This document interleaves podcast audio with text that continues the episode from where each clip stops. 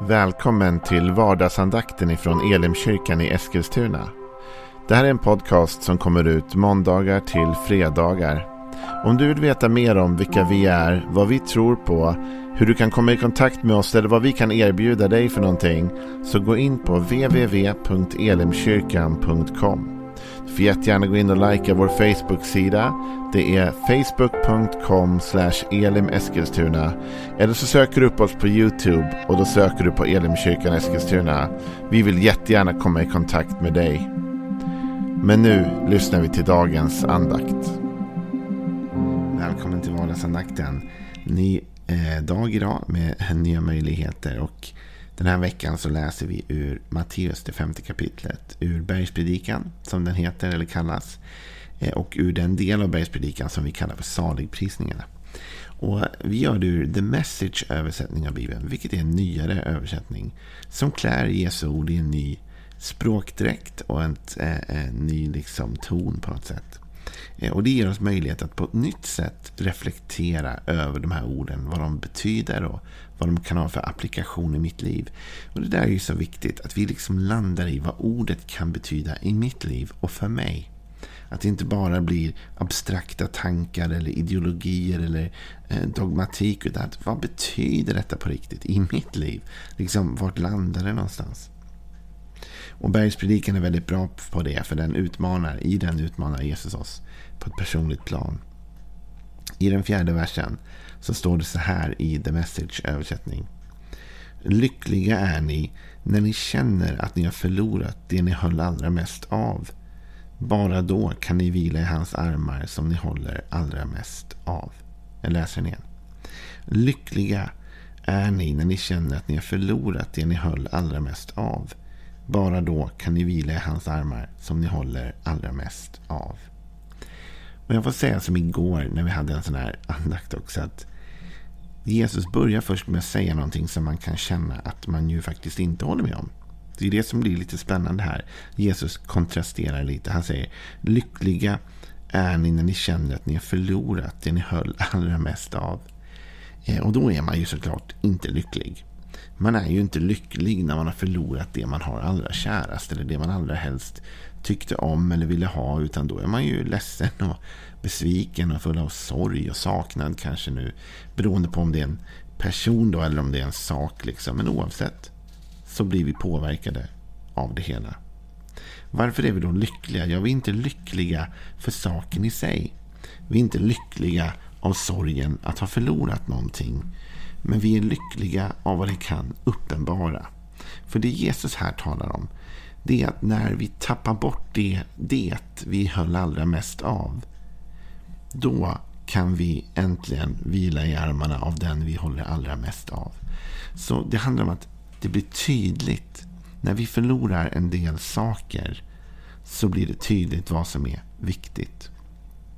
Jag vet inte om du har varit med om det. Men det är ju faktiskt så i livet ibland att, att när man tappar saker eller förlorar saker så börjar man inse också vad det var som egentligen var viktigt. Och så inser man kanske att en del saker som man tyckte var viktiga eller höll mycket av då inte var så väsentliga egentligen. Och kvar blir det som är väsentligt. Det är det Jesus här försöker tala om egentligen. Att ibland när du och jag förlorar saker i livet så ser vi det som en förlust. Och det är det. Men samtidigt är det så att det kanske blir ännu tydligare vad som är det verkliga värdet i livet.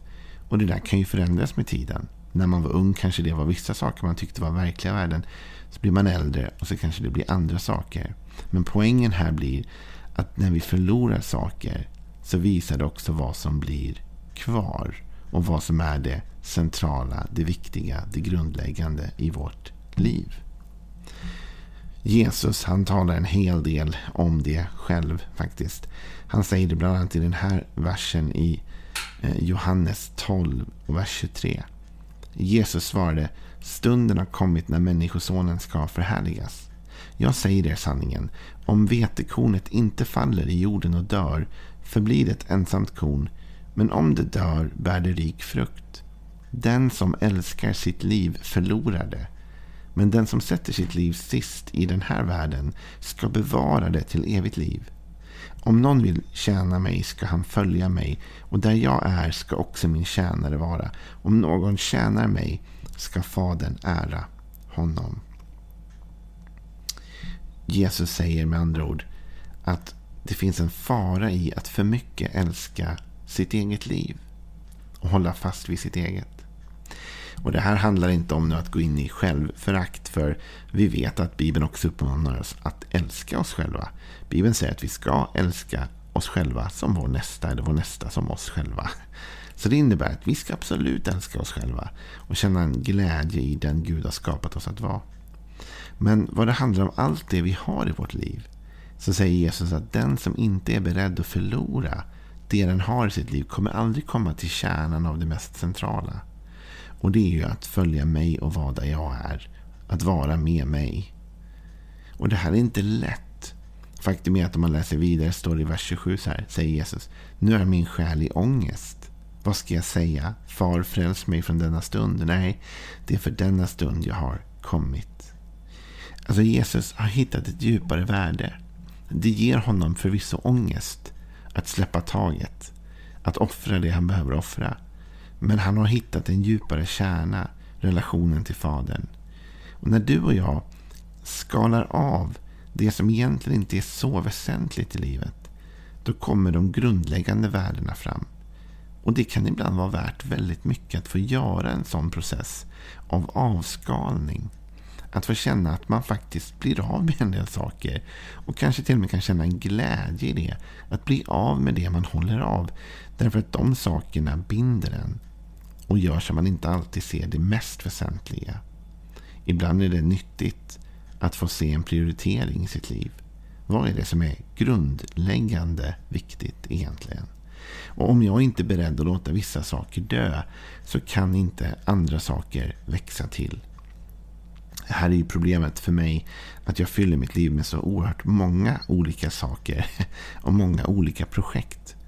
Men vet du, om man fyller sitt liv med allt för många olika saker så kväver man till slut det som är viktigt. Så man måste se till att låta vissa saker dö bort.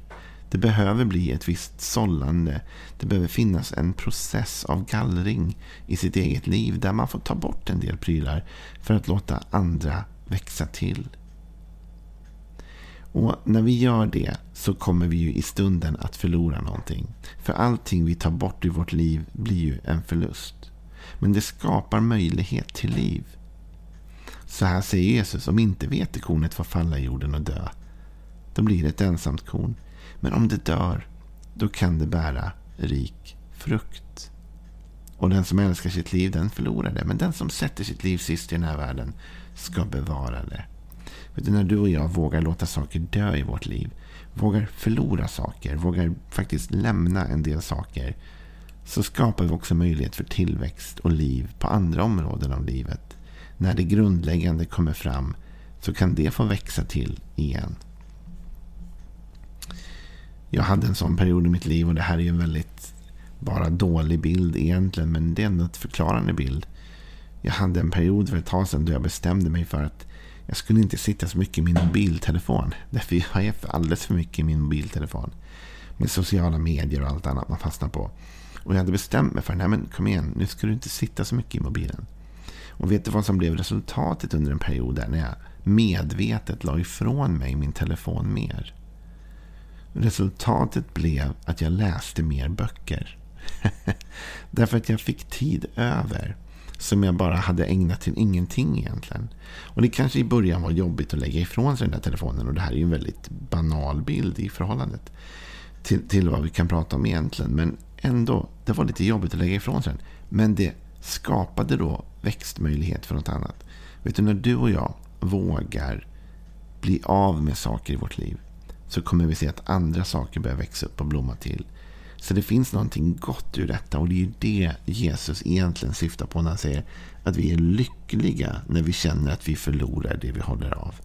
Därför att han menar då kan det andra komma och växa till och det grundläggande bli synligt. I första Korinthierbrevet 3 så talar Paulus om livet och hur man kan bygga livet. Och bygga tron inte minst. Och han säger så här att i vers 10 med den nåd som Gud har gett mig har jag som en kunnig byggmästare lagt grunden. Och nu bygger en annan vidare på den. Men var och en måste tänka på hur han bygger. Ingen kan lägga en annan grund än den som är lagd, Jesus Kristus. Om någon bygger på den grunden med guld, silver, ädelstenar eller med trä, hö och halm så ska det visa sig hur var och en har byggt. Den dagen ska visa det, för den uppenbaras i eld och elden ska pröva hur vars och ens verk är. Om det verk som någon har byggt består ska han få lön. Men om hans verk brinner upp ska han gå miste om lönen. Själv ska han dock bli frälst, men som genom eld. Det här är en fantastisk text tycker jag. Den handlar för det första om att när man bygger så behöver det finnas en grund. Och Paulus säger det finns ingen annan grund vi som troende kan lägga än Jesus Kristus. Jesus är grundfundamentet i våra liv. Men sen så börjar vi bygga på det fundamentet. Och Det finns ett par utmaningar med det. Det ena är att vi bygger dåligt och slarvigt. Och då kommer det inte bli ett bestående livsverk som vi bygger fastän vi blir frälsta för vi har Jesus som grund i vårt liv. Men livet blir inte så bra. Det andra är att ibland bygger vi på ett sådant sätt att grunden blir alldeles för osynlig. Va? Vi bygger igen. Och jag tror att du och jag måste våga ibland bli av med saker som har täckt över Jesus i vårt liv. Liksom ibland är det som att Jesus är under all bråte och vi måste våga förlora en del av den bråten för att Jesus ska komma upp och bli synlig. Så det kommer ibland eld in i våra liv. Och det som är välbyggt och det som liksom är byggt på rätt sätt, det kommer bestå prövningen. De värderingarna är kvar. Men det som är halm och bara liksom strå, det som inte är något vettigt, kommer brinna ner. Så ibland när du och jag går igenom prövningar i vårt liv så är vi ju inte glada för det. Det är ingen som gillar att det blir en prövning eller att det blir jobbigt. Och speciellt inte om den prövningen leder till att jag förlorar någonting eller blir av med någonting. Då, nej, det vill man ju inte. Men faktum är att Paulus här talar om att det är bra att elden kommer. Därför elden bränner upp allt som inte är välbyggt. Elden bränner upp allt som egentligen inte är väsentligt. Och det grundfundamentet blir kvar. Och det vi har byggt av värde blir kvar. Så ibland när Gud kommer in i vårt liv och låter prövningen fara över vårt liv så är det faktiskt gott. Vi kommer ha mindre kvar efter prövningen. Men det vi har kvar är det väsentliga. Och vi vet då vad vi ska fokusera på. Så du kanske går igenom en prövning i ditt liv just nu och du tycker att du förlorar olika saker. Du tappar saker hela tiden. Var inte rädd för det. Utan se att det är Guds sätt att genom prövningen sålla bort det som inte är väsentligt i ditt liv. För att det som är väsentligt ska få mer utrymme att växa och blomstra. Och jag vill läsa som avslutning den här versen från Jesus igen. Så tar vi med oss de här tankarna in i det. Jesus sa. Lyckliga är ni när ni känner att ni har förlorat det ni höll allra mest av. Bara då kan ni vila i hans armar som ni håller allra mest av. Ha en välsignad dag.